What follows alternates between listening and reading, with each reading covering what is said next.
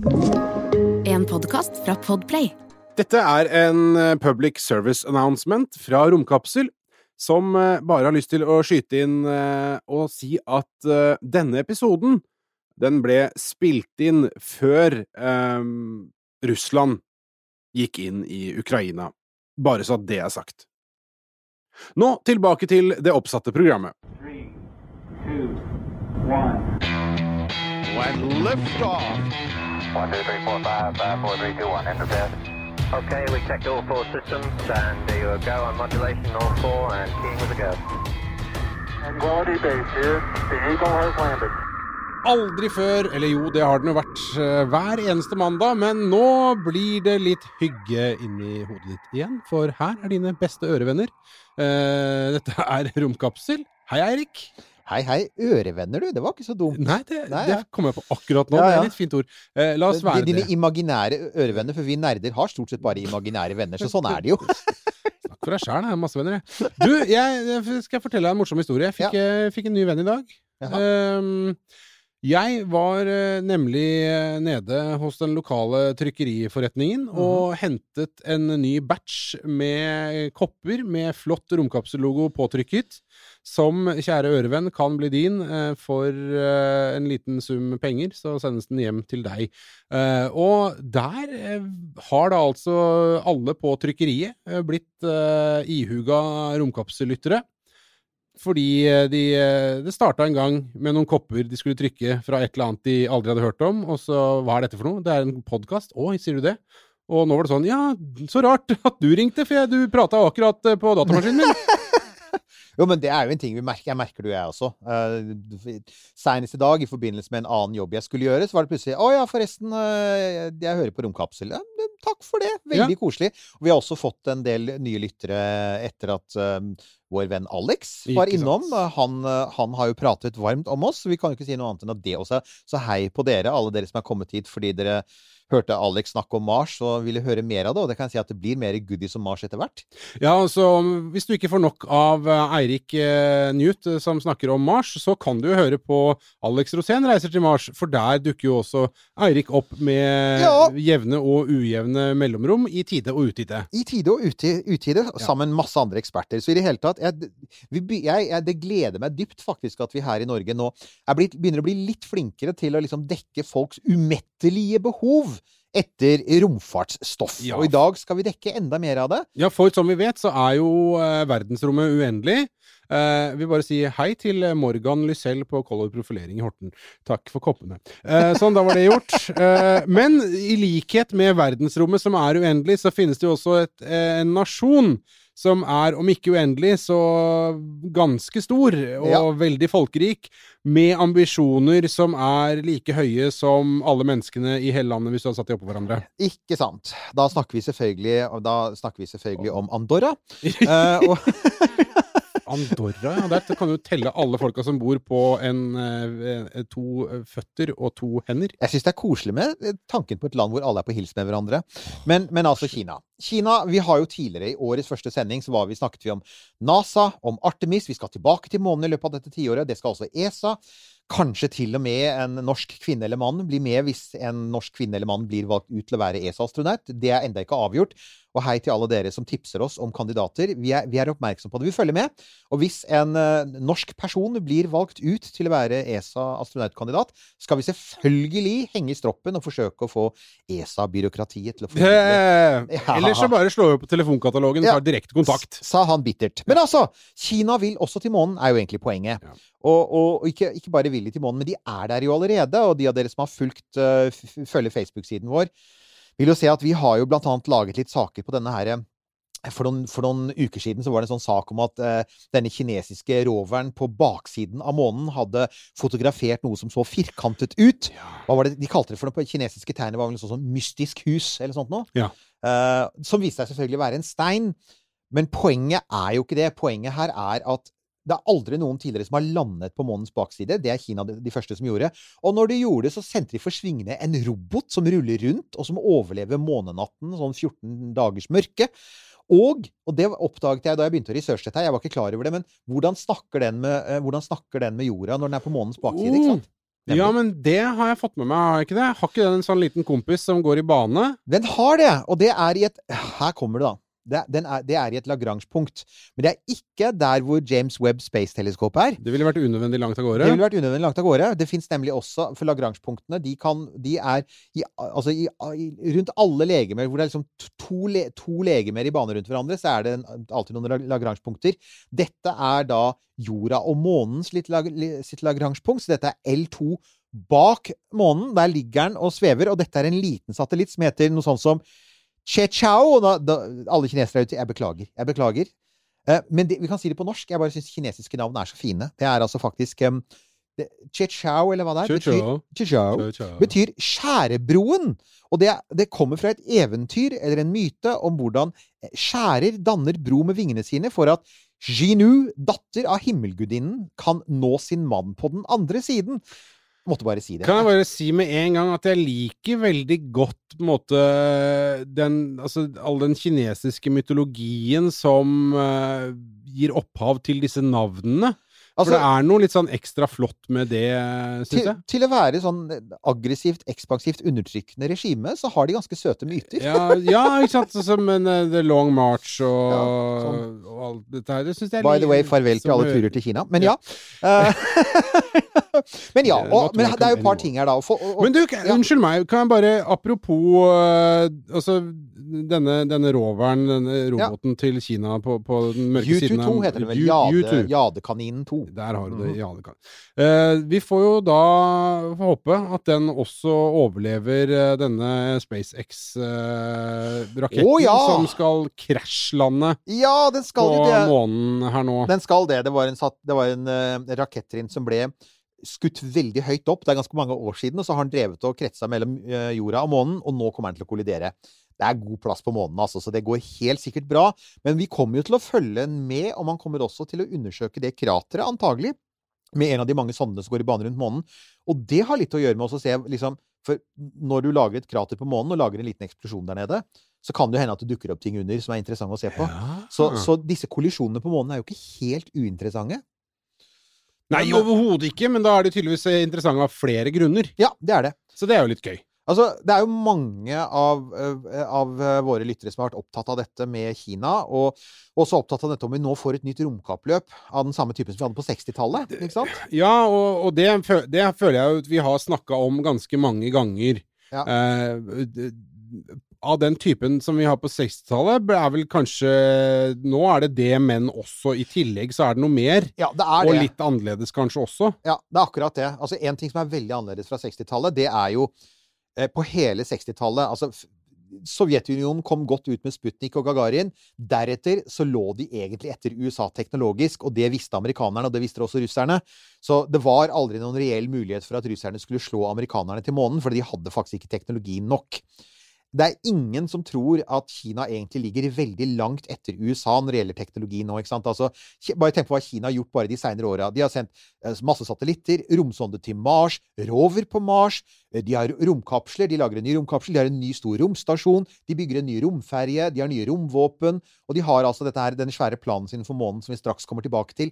Alt tyder på at kineserne rent teknisk så er kineserne fullt ut i stand til å sende mennesker til månen hvis de bare legger penger og tid i det. Det er det ingen tvil om. Det var det jo tvil om på 60-tallet med sovjeterne. Det, det var veldig usikkert. Det kan de. Ja, og det tenker jeg Er det noen som har lurt på det? Altså, Kina får til det de vil, tenker jeg. Ja, ikke sant? Det er, det er akkurat det. Og så er det selvfølgelig altså, det er, så, så nei, det er ikke altså, det, det andre da, som også er litt interessant, selvfølgelig, det er dette med, uh, med at altså, Månekappløpet på 60-tallet, det var det amerikanere kalte flag and footprints. Mm. USA skulle slå, slå Sovjet. USA skulle vise at eh, det kapitalistiske systemet Symbolpolitikk eh, i stor grad, men nå dreier det seg vel mer om en eller annen form for realisme i prosjektene, at man vil noe med det, og at man kanskje har en litt lengre horisont da enn bare flag and footprint. Ikke sant? Nå skal man flag Ja. footprint, ja det er vel og bra det, eh, men herregud, been there, done that eh, på Mm. månen. Eh, Men så snakker man vel om mere, og det er også litt sånn proof of concept for videre ting, og det, så det er starten på The Expanse. Nå, nå skal vi ut i verdensrommet for å bli, tenker jeg. Og da er det klart, selvfølgelig skal Kina være der, men det, er, men det skal jo også eh, med det må tas med at selvfølgelig det er mye symbolpolitikk i det også. Det er det. Men det er ikke like, det er ikke like Selv om vi registrerer jo sånn geopolitisk at det er en relativt eh, Ja, hva skal man si Kjip tone, da. Mm. Mellom eh, The Free West, Coca-Cola and Big Mac. eh, og borst og vodka, og også spisepinner og, og stråhatter. Q alle etniske stereotyper, ja. Ja, jo, men, ja, Jo, jo. men, ja, men så det er Eller er det er en kjip tone Ja, det er det. Selv om Norge flyr Taliban i privatfly, så er det sånn generelt sett en ganske sånn kjip geopolitisk tone. Men det er, Det er- ikke like Det ikke Det blør ikke kanskje i like stor grad over i Nei, romverden? er. Nei, altså nemlig for det første så har man det, det er helt sant. Det er helt tydelig at man har forsøkt å holde konfliktnivået lavere i rommet. Eh, som du er inne på, eh, dette nye romkappløpet kommer til å handle mye mer om ressurser. Og det kommer vi jo tilbake til eh, ganske snart. Men at det er helt tydelig at Kina, i likhet med NASA, USA og ESA, eh, kommer til å fokusere veldig på å, altså, å bli værende på månen lenge, bygge baser der, utnytte lokale ressurser. Det var aldri snakk om det for, for Apollo-prosjektet. Apollo-prosjektet var bygd for å lande folk og få dem bort så fort som fadelig mulig, for alle visste at hvis de ble der særlig lenge, så ville de daue. Og så er det en ting til da, som jeg syns kanskje er det mest interessante, og det er det du er inne på. Det er både, både Artemis Artemis er et stort samarbeidsprosjekt. Det er jo NASA, ESA, Canada og Japan. Eh, I tillegg så har du det som heter Artemis-protokollen, med masse tilsluttende land, annet Ukraina. Som i den, altså Det blir jo interessant å se Vi skal ikke komme for mye inn på det, men ja, Ukraina er en av, en av signatorene. De prøver stadig vekk å trekke nye land inn i Artemis. Det er det som gjør at en eventuell uh, nordmann kan komme til å gå på månen, er fordi at Og det var jo ikke Så. Artemis er rom-Nato! Det er nesten rom-Nato, ikke sant? Men det er også det som gjør at det var jo aldri snakk om at noe annet enn amerikanere med militær bakgrunn at skulle gå på månen ikke sant, på 60-tallet. Uh, I dag så tenker man helt annerledes. Det er, det er mye mer sivilt, og det er mye mer samarbeid. Men her er saken Det, gjør, det samme gjør Kina. Altså Kinas NASA, CNSA, da. De har undertegnet en samarbeidsavtale med Roskosmos, Russlands eh, NASA. Ja, Det er en femårs samarbeidsplan som helt klart er i retning av å, ut, altså å bygge felles base, sende felles sonder, dele data. Og de har også invitert andre til å være med. Og det er faktisk allerede noen ESA-medlemsland som har signalisert interesse for å være med på denne kinesiske basen og denne kinesiske forskningen. Og det sendes jo, skal sendes europeiske instrumenter med flere av disse kinesiske sondene. Så, så det, det er det som må få altså Amerikanerne har jo en boikott mot Kina, så de kan ikke gjøre det. Nei, nei. Så jeg får liksom følelsen av at jeg har litt følelsen av at ESA på en måte dobbeltbooker, da. De, liksom, de jo, sikrer seg, ikke sant? Jo, men da kan du si hvem er det som sikrer seg? Fordi, eh, ok, vi, ikke sant, som, som vi vet eh, Grunnen til at Kina har sin egen romstasjon, er jo at de får jo ikke lov til å komme på den internasjonale romstasjonen. De er band derfra. Ja. Eh, persona non grata ISS-os. Mm. Eh, og så sier du at eh, Kina og Russland har undertegnet et samarbeid. Mm. Og da er mitt spørsmål, hva gjør det med eh, Russlands tilstedeværelse, hjertelige sådan, eh, på ISS? Altså, nå er man jo i mye mindre grad avhengig, eller man er jo overhodet ikke avhengig lenger av Soyuz for å komme seg til eh, ISS.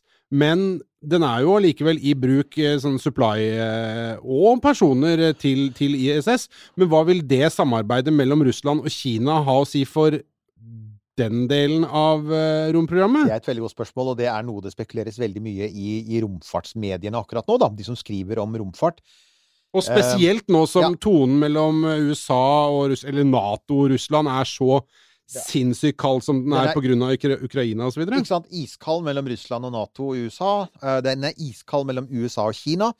Vi ser noen nye allianser her. Nei, Det er et, et veldig godt spørsmål. Og det som er problemet vårt der, er jo at verken russiske eller kinesiske medier er egentlig veldig pålitelige. For det er en sånn ting, altså det vi, det vi snakker om her Vi må ta ett stort forbehold, og det er selvfølgelig Kinas eh, statlige romorganisasjon, CNSA, som vi, som vi kaller det, og som også de kaller seg selv på engelsk, China National Space Agency, tror jeg det står for. Um, de er jo ikke som NASA. Altså NASA følger amerikansk offentlighetslov og publiserer data hele tiden. Um, CNSA er veldig hemmelighetsfullt.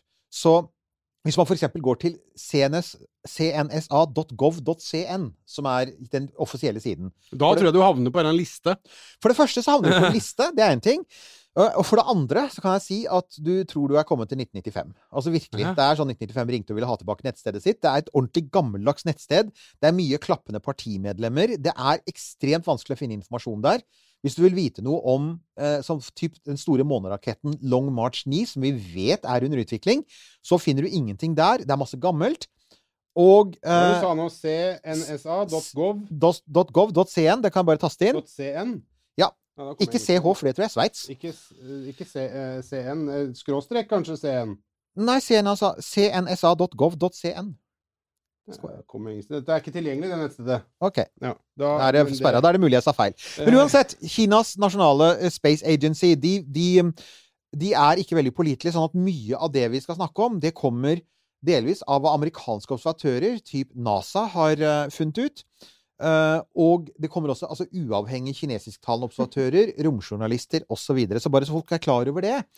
Uh, det kommer også via TV-programmer, TV-intervjuer og powerpoints. Men, men og, du kan ikke, som du kan med NASA, gå til én stor altså NASA har masse databaser hvor du kan søke gjennom bilder og alt mulig. NASA er jo en gullgruve. Og hele USAs romhistorie ligger også ute som PDF-er hos NASA. Ingenting av dette har du på CNSA.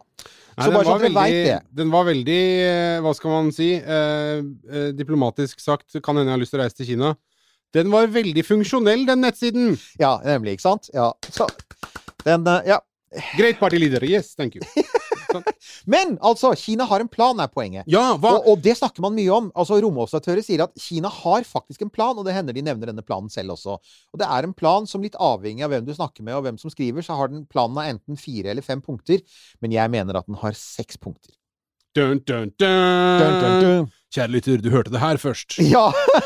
og vi kan bare ta noen av punktene, da. Trinn én. Ja. Det er å, å sende romsonder rundt månen for å observere den. Ta bilder, gjøre målinger og, og finne ressurser. Og det er denne. Og da er det Chang'e, som de heter, som vi har snakket om før. Ja. Chang'e 1, som ble oppkalt som er opp, Altså Chang'e-serien er oppkalt etter en gudinne som fløy til månen. Nok en gang litt mytologi. Skutt opp i 2007. Uh, har tatt, tok masse bilder, og igjen den tok bilder, og den fungerte. Det er viktig. Og, og igjen, kineserne gjør veldig mye riktig fra starten av, så det er ingen tvil om at de har god teknologi.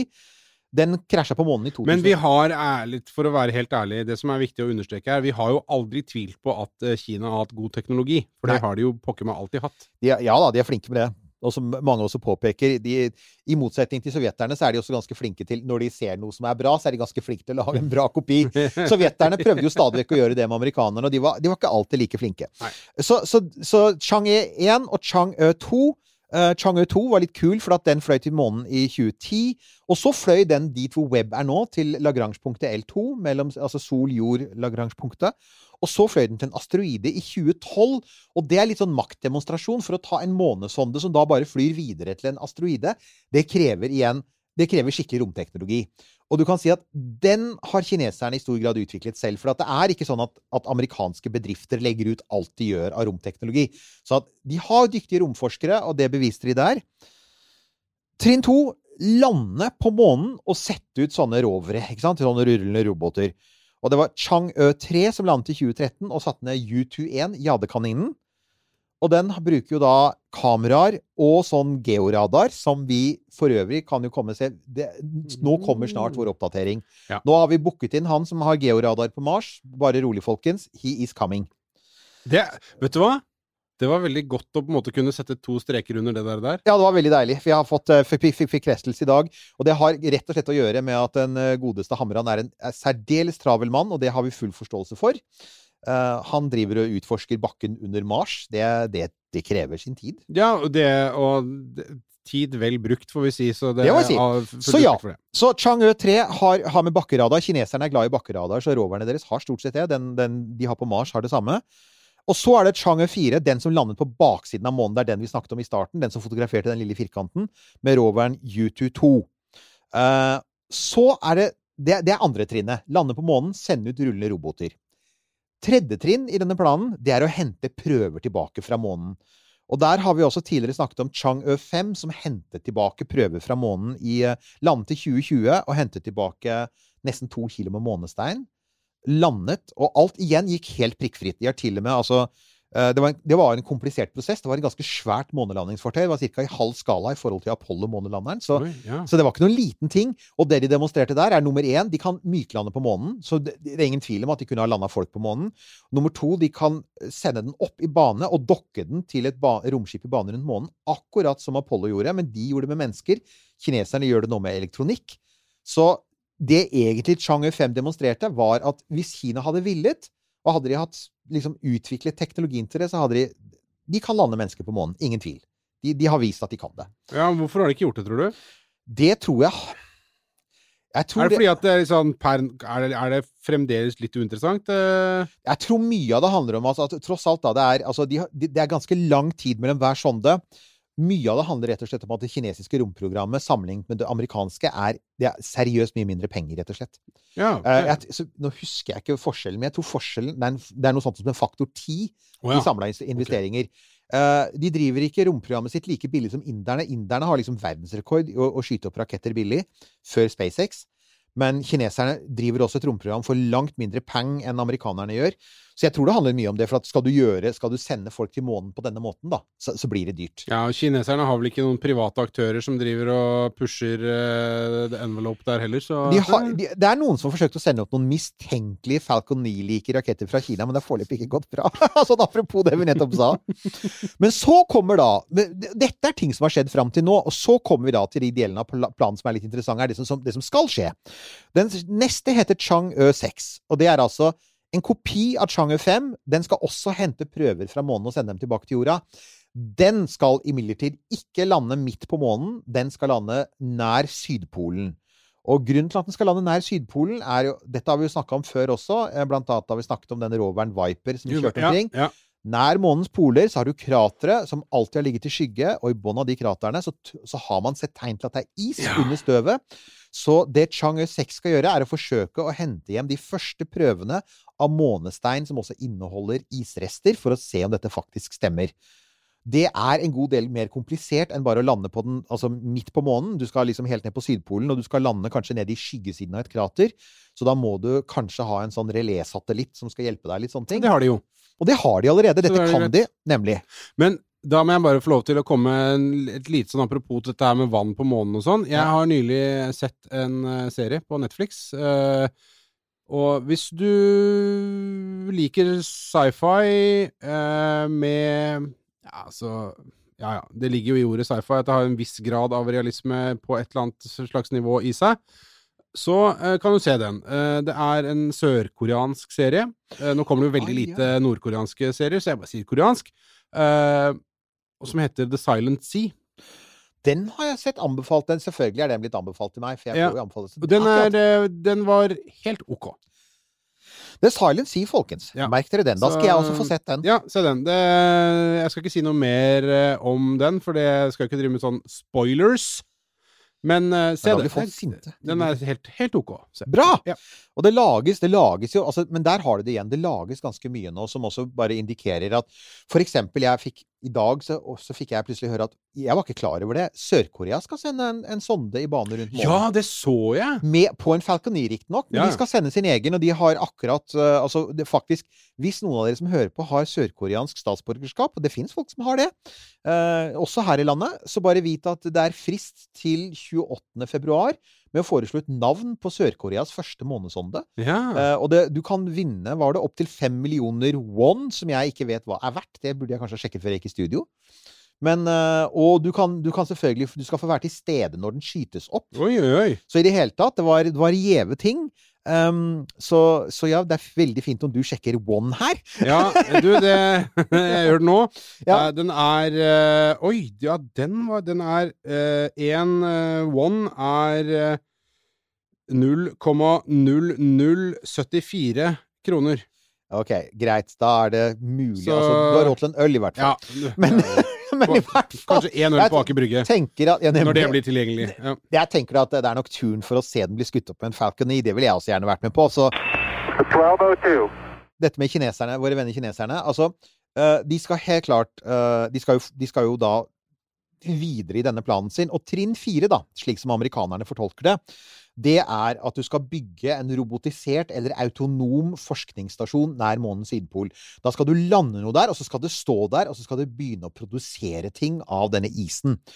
Og nå begynner vi å snakke om uh, Altså hvis vi tenker tid, da, så tenker vi at Chang'e 6 og Chang'e 7, som dette her blir, 2024-2025, det er jo omtrent da Artemis skal begynne å sende folk i bane rundt månen, hvis vi skal sammenligne med hva amerikanerne gjør. Det, det, er det de sier de skal gjøre.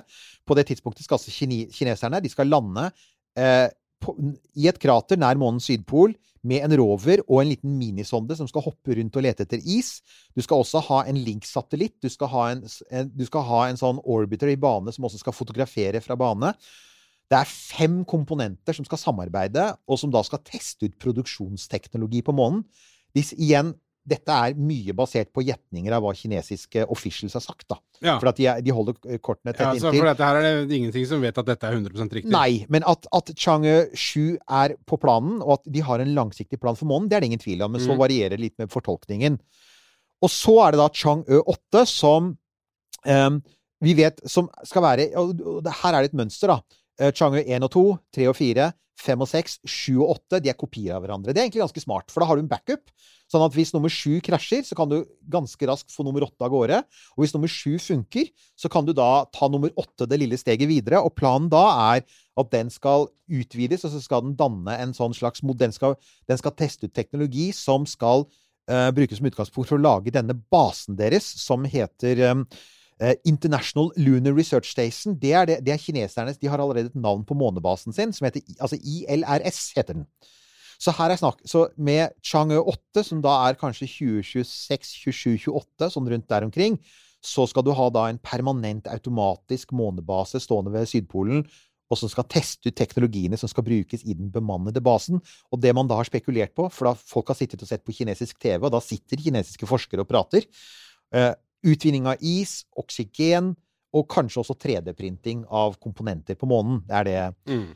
og her er det da to kinesere som, eller to kinesisktalende som, eh, som driver en YouTube-kanal som heter Dongfang Hour. Dongfang er jo Long March, tror jeg, på, på kinesisk. Dongfang Hour, som er sånn kanal som bare De bare følger med på hva som skjer på kinesisk TV, for å, for å forsøke å skjønne hva de sier. Ja. Det som i gamle dager kalte vi det for kremlologi, når vi forsøkte å skjønne hva som skjedde i Sovjetunionen. Hans-Wilhelm Steinfeld, som vi har snakket om før, han var jo ekspert på det. Og ja, ja, vi tenker på han nå. Ja, ja. Han, eh, det er på min kappe. Eh, Ja. Jeg skal eh, kontakte Så hvis du hører på, Hans Wilhelm Vi, skal Vi vil gjerne ha, det, Vi vil ha ha hjelp med deg til å forklare hva Vi kommer til å trenge hjelp til å forstå kremlologi også, vi skjønner jo ikke Ja. helt hva russerne gjør Hva skjer heller, i Star City for tida, liksom? Hva, nemlig, hva er ja. greia? Så det er trinn, det er trinn Men, fire. men ok, så her er det jo her, De har jo da en Skal vi tro de relativt Hva skal man kalle de kvalifiserte ryktene, da. Mm. Så har Kina en god plan, eh, og en plausibel plan, og som vi vet, teknologisk gjennomførbar plan for månen. Um, og eh, og eh, for- en plan for etablering og, og tilstedeværelse, Mm. eh, permanent sådan, på månen de neste altså, ti åra. Det er det. Og da, for da kommer vi til trinn fem, og det er jo det alle er, er opptatt av. Det er liksom sånn, det virkelig sånn kjøttet her, og det er mennesker på månen. Hva er greia der? Kina har nå sagt helt klart de vil sende mennesker til månen. Der er det ikke, de de, det er ikke i tvil. Og ILRS, denne eh, månebasen deres, i første omgang så, så snakker de som om at de vil kanskje først teste den med sånn ulike typer roboter. Og du vil da ha sånne rovere som kjører omkring og henter råmaterialer og en automatisk fabrikk og slike ting. Det er ikke helt ulikt planene for Mars, for det er jo, det er jo veldig typisk for disse Det var litt det jeg satt og tenkte på her nå, for at uh, altså Månen er vel ikke noe sånn endemål for noen. Nei. Det er også en viktig forskjell på Apollo og på disse nye på Artemis og på det kinesiske femtrinnsplanen. da. Det er at målet også er Mars. Og at det med å lære seg å sende ting på forhånd og, ha, og sette opp en automatisk fabrikk og la den produsere ting før det kommer mennesker dit, er jo akkurat det man har tenkt å gjøre på Mars òg. Så i så måte så kan denne ILRS være en, en smart ting. Og igjen, tanken her er at kinesere og russere skal reise dit sammen. Ja. Kanskje med andre samarbeidspartnere. Og det de har sagt sånn tentativt, da, det er sånn 2035 er det som er, er, er, dukket opp i sånn powerpoint-presentasjoner at man tenker seg. Men det henger veldig på én ting, da. Og det er eller to ting. For det første så må de utvikle en ny romkapsel, for den de har nå, er basert på russisk Soyuz. Det er en forstørra variant av en Soyuz. Eh, De lager en ny en som de skissene vi har sett Igjen, det er Kina, men de skissene vi har sett, tyder på at de er kanskje litt inspirert av Crew Dragon. kanskje litt! Og og det er så gøy! ja, men det, men altså, det er jo For skal man til månen, da, så, skal man, så, så holder det ikke Da må du utvikle et eget spesielt tykt varmeskjold. Det var jo det man opplevde med Apollo. Apollo altså Apollo-romfartøyene har et, et kjempetykt varmeskjold. Det er også Orion-kapselen til Artemis. Kineserne må jo lage den samme teknologien. Det tar tid. Det må, jo, det må testes ubemannet. De må også sende en ubemannet sonde rundt eller. Men de, har vel, de kan vel dra nytte av mye russisk erfaring der? De kan dra nytte av russisk erfaring, men, men russerne gjennomførte aldri noen særlig vellykkede. De gjennomførte vel én eller to uh, sånne ferder med, med, hvor de kom tilbake fra månen. Men, men ja. Og, og, og, selvfølgelig, de kan også dra nytte av det de lærte da de sendte Chang'e 5, som hentet den prøven, da. Uh, de kan dra nytte av det. For den, den kommer jo tilbake i samme hastighet, så det varmeskjoldet som den hadde, det er jo samme type varmeskjold som du da vil ha på romkapselen, kanskje. Nå eh, skal jeg stille et spørsmål Mm -hmm. eh, av en litt misantropisk art. Eh, og så ber jeg ikke deg om å være noen sånn Kina-ekspert, men tror du, Eirik Knut, at Kina på en del områder har en fordel fordi jeg bare mistenker at de ikke er så risikoaverse Mm. som NASA, fordi Kina er sånn Om det er noen som stryker med, så er ikke det så farlig. Det står ikke en kø med advokater og gnir seg i hendene Nei. hver gang noe sendes opp. Ja, jeg tror du kan ha rett der. Og jeg tror også at den, altså, denne hemmelighetsfullheten deres um, den har også noen fordeler, for det er klart at på et eller annet tidspunkt Dette vet vi jo. På et eller annet tidspunkt så kommer noe til å gå veldig galt i det amerikanske romprogrammet. Det kommer Mhm. til å skje, for at space is hard. Eh, Elon Musk har på en måte tatt det på, på forskudd, fordi han, han sier jo at raketten hans kommer til å eksplodere. Vi veit at Starship, når den skytes opp en gang, kommer til å eksplodere spektakulært. Eh, den kan også tenkes at den eksploderer så spektakulært at det går med menneskeliv. På et eller annet tidspunkt kommer en Crew Dragon eller en Starliner eller noe kommer til å skje. Og da vet vi også at amerikanerne går i totalt lockdown-modus. De kommer mm. til å stenge alt i flere år. Det kommer til å være kongressgranskninger og mye sånn uh, rive seg i håret, sjelegransking og, og alt dette her. Kineserne kan komme til å bevege seg mye fortere forbi en sånn krise, også fordi at de har total kontroll på mediene, så om noe går galt, og det har jo gått galt ting i deres romprogram òg, så eksempel når det faller ned raketter på små land, landsbyer, så får ikke egentlig vi vite så veldig mye om hva som skjedde der. Sånne ting. Så ja, jeg tror du kan ha rett i det, og det er noe av et av usikkerhetene altså for at, Hvis man tenker på det, da. NASA skal tilbake til månen med mennesker innen 2030, og de håper på å lande folk i 2027 eller 2028, snakkes det om nå. Kina sier 2035. Wow, ok, det er ingen tvil om hvem som kommer først. Vel, ja. Nummer én, det forutsetter at SpaceX får bygd Starship, for det er den du skal lande med. Og det er jo ikke sikkert. Den er faktisk for øyeblikket veldig på prototypstadiet. Den er ikke så prototyp som Kinas månerakett Long March 9, som man vet de bygger, men de har jo ikke sett noe til den ennå. Men den er helt klart på prototypstadiet. Og hvis noe går galt med Starship-prosjektet, så står NASA der uten noe månelandingsfartøy. Og da åpner det seg en mulighet. Så jeg er ganske sikker på at Kina har gitt seg en ganske god sikkerhetsmargin her. Og ser de muligheten til å lande på månen og bygge en base der før amerikanerne, så tviler jeg jo ikke et sekund på at de tar den. Nei, nå Altså, Amerikanerne var først, men å bygge den første faste bosettingen Ja, ja. på månen er jo også historisk. Ja, ja, det er Mm. klart det. Selvfølgelig. Men, men eh, så nå, nå vi er inne på det, da. Fordeler og ulemper. Altså, det nå er vi inne på at eh, det er Kina som eh, Altså eh, Nøler med å bruke ordet underdog, men la oss nå bruke det ordet. Det er litt det, for de har mye Um, mindre budsjetter, og de starter jo fra et mye dårligere utgangspunkt. Altså, de, Deres romalder begynte jo mye seinere. Det tok jo, de, Jo da. det starta jo 15 år etter USA, liksom. Jo, jo, men, men allikevel, vi vet Ja. at de kan snu seg fort rundt. De hadde det, og, og så må vi ikke glemme en ting til. Uh, I motsetning til Altså, amerikanerne fikk Werner og vennene hans. Sovjeterne fikk også en god del tyskere. Ikke mm. så mange tyskere. Kineserne hadde ingen tyskere. Bare, bare nevner det. Så de hadde, kineserne hadde ikke Werner, og det er også helt klart gitt dem en ulempe. Men de jobber med å ta igjen. Ja, det er godt at vi fikk nevnt han også. Ja, her var han faktisk relevant. Ja, ja, det, ja, ja For all del. For all del. Altså, Werner er alltid, Han er alltid relevant. Det, det, det går, alltid ja. nærværende, Så- alltid relevant. Alltid ja. Men altså, eh, er, er den, altså Hvilke fordeler har de, da? Altså, det, vi var innom én her nå. Altså, det er den risikoaversen, nesten. Altså, de har full total kontroll. Uh, det er en fordel. Da, Ja. da kan de uh, krysse fingrene og håpe at det går bra.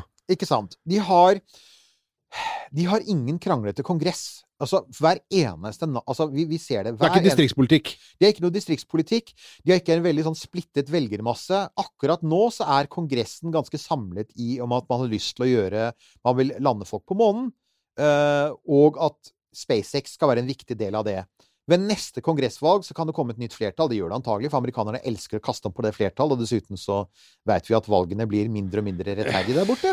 Så på et eller annet tidspunkt så kan du Altså, Gud veit hva som skjer i presidentvalget i 2024, og hva det betyr dersom du nok en gang får en ustabil fyr som har lyst til å sette sitt preg på det, og vil si 'nå oppretter jeg mitt eget romprogram', eller 'jeg finner opp en ny rak-» Et eller annet sånt noe. USA har fått noen usikkerhetsmomenter av den kompliserte politikken sin. Nå var jeg snill. Komplisert politikk, det var snilt. Ja. Men, for, for oss som ser det utenfra, så, er det, så, så, begynner det på C og slutter på K, så er det et langt engelsk ord. Um, og, så det har ikke Kina. Det, altså, de, har dette de har dette sentralstyret sitt som har mange svakheter, men når det gjelder det Og det betyr også at når det gjelder store infrastrukturprosjekter, så har de ikke, som USA og Norge, 38 omkamper om hver eneste lille veistump fordi at alle skal ha et ord med i laget, og alle blir sinte fordi at veien går feil vei. De bygger en høyhastighetsbane til Lhasa i 3000 meters høyde på permafrosten, og det bare gjør de fordi at det har partipresidiet bestemt. ikke Ja, ja, og er det, bor det noen tusen mennesker i veien, så da flytter Eller da sier vi dere må flytte. Ikke sant? Så du får altså, og, og det å ikke ha 38 omkamper, det sparer faktisk også penger. Med andre ord, det kan godt tenkes, hvis de, hvis de er på riktig sånn ingeniørmessig spor da, med månebasen sin, så kan det faktisk tenkes at for, Bare se hva USA har gjort. NASA har lyst ut masse kontrakter. Eh, Det fører til en del ny teknologi, men det er ikke noe tvil om at også dette med at eh, SpaceX og Blue Origin er i strupen på hverandre og sender hverandre sinte brev altså, Det har jo en kostnad. Må ikke, altså, det, er jo ikke bare morsomt å se på Twitter og i andre sosiale medier. Det har en kostnad at de driver og krangler med hverandre og bruker masse penger på å lage disse konseptene. Så det kan jo hende at, så, så det kan foregå ting på bakrommet der. Så ja. Mm. Men du Du sa Ja. innledningsvis her at denne planen til Kina hadde seks trinn. Yep. Vi har så langt bare vært innom fem. Det sjette trinnet, det er jo world domination. Mr. Bond. Mm. Og det, ja, men det her er saken. Hvis de ender opp med Hvis NASA klarer å rote det bort Det har skjedd før, folkens. Romferja. Hvis de ender opp med nok et sånt prosjekt som viser seg ikke å holde teknologisk vann, eller det skulle skje noe med SpaceX, eller altså Gud forby det, men det skulle skje noe med Elon Musk Han er helt avgjørende for å holde takten oppe i selskapet sitt. Hvis det skulle inntreffe noe sånt nå, så, så, så er det faktisk ikke helt utenkelig at vi mot slutten av tiåret er der at NASA er blitt hengende etter, og at det er Kina som tar føringen der, slik Kina har tatt føringen på ganske mange andre. Det skal vi ikke glemme. De, er, de har nå tross alt blitt ledende produsenter av teknologi på det ene området etter det andre. De har overtatt for USA på det ene området etter det andre. Det er ikke helt utenkelig at Kina kan gjøre det i romfart òg. Det er ikke utenkelig. Akkurat nå så virker det sånn Ja, det er jo umulig. Ja, men altså hvem hadde sagt, altså Hvis noen hadde sagt for 20 år siden at så å si alle datamaskiner og mobiltelefoner skulle lages i Kina, så ville folk sagt 'hæ?' Ikke sant? For på det tidspunktet ble Kina i stor grad sett på som et u-land. Mm. Så, så Kina har det potensialet. Men hvis vi skal være hvis vi skal peke på hvilke fordeler NASA har, da, fordi at NASA har også noen store fordeler i dette kappløpet Det viktigste er selvfølgelig eh, NASA har ferdig-ish teknologi, i hvert fall delvis. Altså, de har en rakett, SLS, som skal opp i løpet av dette året. Det har ikke Kina. Den der svære raketten deres er De sier at den skal bli ferdig i løpet av tiåret. Kanskje den blir det. SLS er i hvert fall der, og Starship kan stå ferdig i løpet av noen år. Så de er, og de har en romkapsel, Orion. Det skal Mm. sies. Ja. Så har de um, De har altså Fordelen, altså ulempen med at USA, USA er så åpent at alle krangler så mye, er nettopp det at det blir masse forsinkelser, og det kaster bort mye penger. Fordelen er selvfølgelig også at du, løs, du finner feil. Altså, Amerikanerne har mye selvkritikk, og NASA har hatt mye selvkritikk, så den der åpenheten den gjør jo også at du kan kan antagelig luke vekk en del feil. Det er bra. Og så har du selvfølgelig Altså, de har ESA og JAXA på laget, og det er ikke dumt. Det er ESA er flinke folk. Uh, Roskosmos er Kinas partner. Jeg tror vi kan være enige om at Roskosmos er ikke på langt nær så flinke som disse vi nettopp nevnte. Roskosmos begynner å henge etter. Det er det jo ingen tvil om. Og så helt til slutt så har de det derre S i ermet som heter SpaceX. Ja. Det har ikke Kina. De har ikke noe tilsvarende. De har ikke det selskapet. Og pluss mange andre romstartups, men særlig SpaceX, selvfølgelig. Og det er jo spennende. Så, det, det, så til sjuende og sist, hvordan dette ender det, Men altså, som eh, vi har sagt tidligere også, Eh, og da er vi på en måte til en viss grad tilbake til eh, Werner litt igjen. mm. Eh, og hans spede start i Pennemynde. Eh, så er det dette her med at eh, når det kommer til veldig mange ting, så står det jo på gjennomføringsevne og vilje. Ja. Og eh, skal du få, virkelig få noe gjort, så lønner det seg å være diktator, eller holde på i et diktatur. Som man eh, på mange mulige måter kan si at eh, Kina jo I er. høyeste grad. Ja, Så der kan man jo bare vilje seg gjennom ganske mye. Det er akkurat Og veldig mange av de fordelene som eh, måte NASA og, og Coca-Cola og Big Mac-alliansen har, Ja. eh, er jo ting som Kina bare kan vilje seg forbi. Det er helt sant, og det, det, du har helt rett i at diktaturer har viljet seg forbi det, det demokratiske Vesten før. Det skjedde under krigen med V2-programmet, og det skjedde på 50- og 60-tallet med Sovjetunionen. Du har helt rett. Dette, dette har skjedd før. Det skjedde for ikke så veldig lenge siden, når det viste seg at også Nord-Korea hadde mye mer kapasitet enn vi faktisk trodde at de hadde. Eh, og det er et deprimerende faktum, men i en del situasjoner, en del typer teknologi, ser det ut til å være ikke nødvendigvis en ulempe å ha et diktatur. Og, og særlig, og da, jeg tenker særlig kanskje det med at USA ser ut til å være i en sånn kaotisk situasjon. Ja, der er det jo helt Det- kokos. Det er helt kokos, og du aner ikke hvordan det går. Og, og liksom, det er politisk kaos, og, og børsene svinger i alle retninger, og du veit ikke om den neste presidenten faktisk kommer til å bli en demokratisk president. Ikke i politisk forstand, men om den neste presidenten faktisk kommer til å være tilhenger av demokrati. Og om det blir et kupp, who knows? Altså, det er mye usikkerhet nå.